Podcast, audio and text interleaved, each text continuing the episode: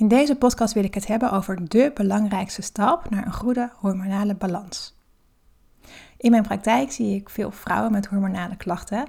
Zelf heb ik ook een groot deel van mijn leven daarmee gelopen en misschien herken jij het ook wel, zoals PMS, het premenstrueel syndroom, pijnlijke menstruaties, PCOS, uh, problemen rondom vruchtbaarheid en uh, zwangerschap, miskramen. Maar ook bijvoorbeeld schildklierklachten of um, ja, hele heftige menstruaties, endometriose, problemen rondom de overgang. Nou, die komen allemaal voort uit een uh, hormonale disbalans. En je hormonale stelsel is enorm uitgebreid. Het is een van de grootste stelsels hè, naast je zenuwstelsel. En ja, daar kan dus een hoop in, uh, in misgaan. En we denken dan in eerste instantie aan deze klachten, maar eigenlijk zijn er nog veel meer um, klachten die voort kunnen komen uit een hormonale disbalans. Want hormonen bepalen gewoon heel veel processen in jouw lichaam. Zoals bijvoorbeeld ook je spijsvertering, ook je stemming, je gedrag en je emoties, hoe je je voelt. Maar ook je gewicht, um, in hoeverre je honger hebt, je hongerprikkels voelt. Maar ook eetbuien, of je energie hebt, juist zin hebt om te bewegen of niet. Ook hoe sterk je immuunsysteem is. Dat zijn eigenlijk ook allemaal functies van hormonen. En alle hormonen werken ook heel nauw samen met elkaar. Er moet dus een goede balans zijn. Nou, je kunt ook wel eens kijken op mijn website. Ik heb daar een uh, hormonen checklist uh, opgezet. Kun je downloaden en dan kun je ook eens zien van nou, welke klachten eigenlijk allemaal voort kunnen komen uit een disbalans in je hormonen en ook welk hormoon. Dus welk hormoon op dit moment bij jou dan verlaagd of juist verhoogd kan zijn en wat tot klachten kan leiden. Ik zal ook even een linkje in deze uh, podcast hieronder zetten waar je die kunt vinden. Je wil dus streven naar zo goed mogelijke balans in je hormonen. Een volledig goede, perfecte balans. Dat komt niet voor, dat heeft niemand volgens mij. Maar je wil zoveel mogelijk evenwicht daarin vinden om je ja, zowel fysiek als mentaal als emotioneel goed te voelen. Nou, waar begin je nou? Hè? Als je het nu op dit moment gewoon even niet weet. Um, als voedingscoach zou je denken dat ik nu voeding zou zeggen. Maar dat is niet zo. Natuurlijk heeft voeding een hele belangrijke rol op je gezondheid en op je hormonen. Daar heb je vast ook al heel veel over gehoord. En um, ja, ik vertel ook altijd wat nou de belangrijkste hormoonverstoorders zijn. Dat, um, dat heeft ook heel veel te maken met voeding, zoals bijvoorbeeld je bloedsuikerspiegel en het hormoon insuline, wat uit balans kan zijn. Ook uh, heeft het veel te maken met je lever, of die wel goed kan functioneren. Hè. Die is ook weer verantwoordelijk voor uh, het afbreken van hormonen op een goede manier, maar ook voor de aanmaak van hormonen. Um, je darmgezondheid is super belangrijk. Um, ja, ook de balans um, tussen oestrogeen en progesteron, wat je ook kunt beïnvloeden met voeding. Maar, en dit is natuurlijk allemaal belangrijk en het gaat ook om een combinatie, maar als ik heel eerlijk ben, wil ik niet beginnen bij voeding, maar wel bij je zenuwstelsel. En je zenuwstelsel heeft heel veel te maken met stress, met prikkels um, en hoe je daarop reageert. En als je kijkt naar je zenuwstelsel en naar het deel wat autonoom is, dus je zelfstandige zenuwstelsel, waarin alle ja, processen zelfstandig functioneren, dat kun je onderverdelen in je sympathische en je parasympathische zenuwstelsel. En dat zijn twee systemen die allebei actief kunnen zijn, ook allebei belangrijk zijn. En het sympathische zenuwstelsel, dat is actief bij het moment van actie. Dus als jij in actie moet gaan komen. Um, het zorgt er daar ook voor dat je alert wordt. En dat je kunt handelen in het geval van gevaar. Dus als er stress is, als er stressprikkels zijn. Het zorgt ervoor dat je uh, adrenaline aanmaakt. En dat je dus een fight or flight reactie kunt hebben. Dus vechten of vluchten. Uh, bevriezen, dat is een andere. Maar um, ja, dit is dus eigenlijk een goed systeem. Want op het moment dat er gevaar dreigt, hè, dat er echt iets is waardoor jij in actie moet gaan komen, dan merk je ook dat je adrenaline aanmaakt, dat je snel wakker bent, je bent heel scherp. Uh, en ook fysiologisch gezien gebeurt er heel veel. Je bloeddruk stijgt, Je ademhaling gaat sneller en ook je bloedsuikerspiegel stijgt. Want er moet uh, energie, glucose vrijkomen um, die naar je hersenen gaat en naar je spieren. Dus naar je hersenen, naar je brein om goed te kunnen nadenken en naar je spieren om te kunnen vechten of vluchten. Daar gaat op dat moment alle energie naartoe. En je maakt de stresshormonen aan, je maakt adrenaline aan. En als de stress langer duurt, dan maak je cortisol aan. Wat er ook gebeurt is, op dit moment is dat andere processen in je lichaam worden afgeremd. Zoals de spijsvertering. De energie naar die organen wordt minder. Er is altijd maar een bepaalde hoeveelheid energie beschikbaar en dat gaat nu dus naar andere processen in je lichaam. Dat is het sympathische zenuwstelsel. Nou, aan de andere kant heb je het parasympathische zenuwstelsel. En dat is ook heel belangrijk en dat is vooral actief op een moment van rust, maar ook van herstel. Dus ehm, als jij nou, een stressprikkel hebt gehad ehm, en je kunt er weer uitkomen, je kunt weer ontspannen en je weer goed voelen, op dat moment komt je lichaam tot rust en krijgt je lijf een seintje, oké, de stresssituatie is onder controle. En dat gebeurt dus met behulp ook van bepaalde stoffen, endorfine. Waardoor jij je ook weer goed voelt. En je merkt ook dan dat je bloeddruk weer daalt, je ademhaling wordt rustiger en er is energie uh, die wordt gebruikt voor andere processen in je lichaam. Het is dus niet helemaal een rustfase. Er komen juist andere processen op gang die heel belangrijk zijn. Dus zoals je ontgifting en je spijsvertering.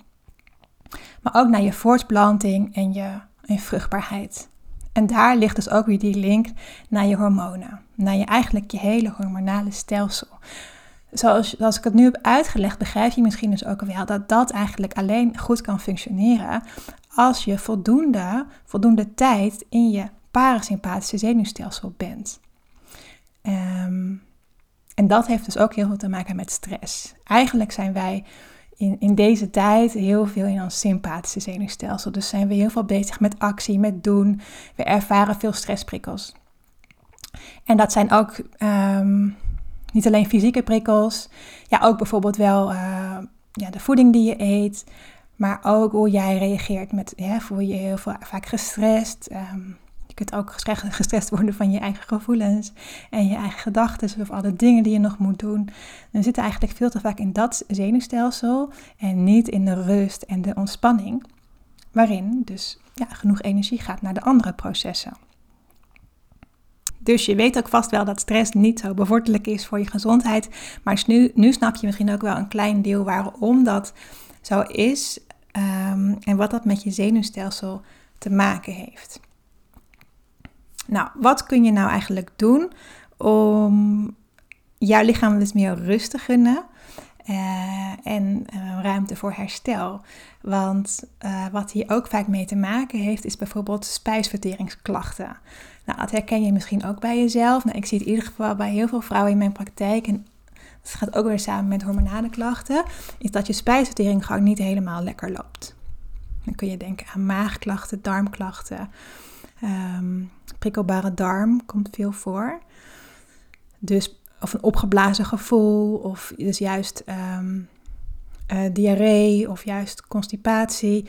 Nou, in ieder geval dat, dat die vertering niet lekker loopt vaak is dat ook een gevolg. Het kan natuurlijk ook een gevolg zijn van voeding en dat je eigenlijk steeds dingen eet waar je niet tegen kunt. Maar het kan ook gewoon een gevolg zijn van dat je lichaam niet in die stand zit om je eten goed te kunnen verteren. Dus als je veel aan je hoofd hebt, maar alleen ook al uh, de manier waarop je eet en wanneer je eet. Dus eet jij in rust of eet jij tijdens het werk bijvoorbeeld?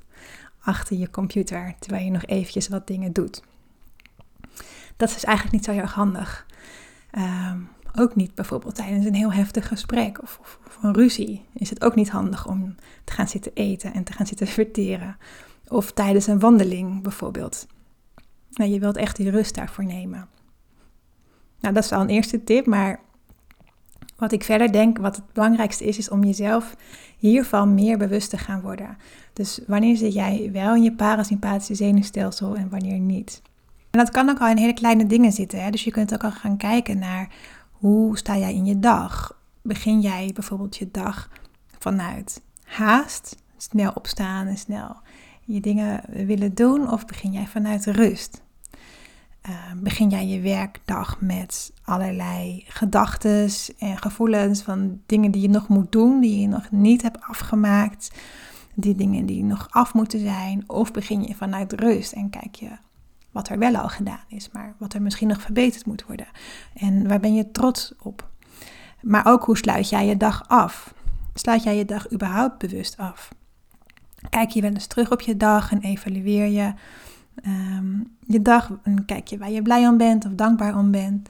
Uh, of sta je daar eigenlijk helemaal niet bij stil? Misschien ben je wel te moe om daarover na te denken. En ehm, ben je blij dat je in bed ligt? Of kijk je eigenlijk nog series nog net iets te lang, waardoor je net wat te laat naar bed gaat en ehm, ja, de volgende dag eigenlijk ook nog weer iets te moe wakker wordt? Waardoor je dus ja, de volgende dag weer in diezelfde soort cirkel zit. Een andere tip is om te kijken hoeveel ruimte neem jij om te herstellen en om weer te ontspannen. Stress is eigenlijk niet ongezond en het is ook niet te vermijden. Alleen nemen we vaak niet genoeg tijd en ruimte voor herstel. Dus ook om weer bij te komen. En doen we vaak te veel, plannen we vaak te veel in. Ook leuke dingen, maar die die, kunnen ook stressprikkels opleveren. Dus hoeveel tijd neem je nou eigenlijk ook voor jezelf, ook om weer te rusten en, ehm, en ook om voldoende te slapen. En vaak ben je dan ook weer de volgende dag productiever. En ehm, heb je ook weer meer ruimte voor andere mensen en voor, voor, relaties. Verder, ja, hele praktische tips zijn ook gewoon voldoende uh, wandelen, voldoende bewegen, je lichaam, ja, zeker als je veel stress ervaart, een manier om dat los te laten uit je lichaam is beweging. Dat is wat je lichaam het liefste wil. Dus als je ook nog eens veel stil zit, bijvoorbeeld achter je computer, omdat je veel, veel uh, computerwerk doet, um, is het eigenlijk nog wel ongezonder, want dan gaat die stress zich eigenlijk ja, opstapelen of het blijft gewoon in je, in je lichaam. Dus veel wandelen, bewegen en dansen. Um, ja, daardoor maak je ook weer goede neurotransmitters aan, waardoor je je goed voelt. Uh, dat krijg je ook door, door ademhalingsoefeningen bijvoorbeeld te doen, door yoga, meditatie, um, door te zingen, uh, knuffelen. Ja, al die dingen.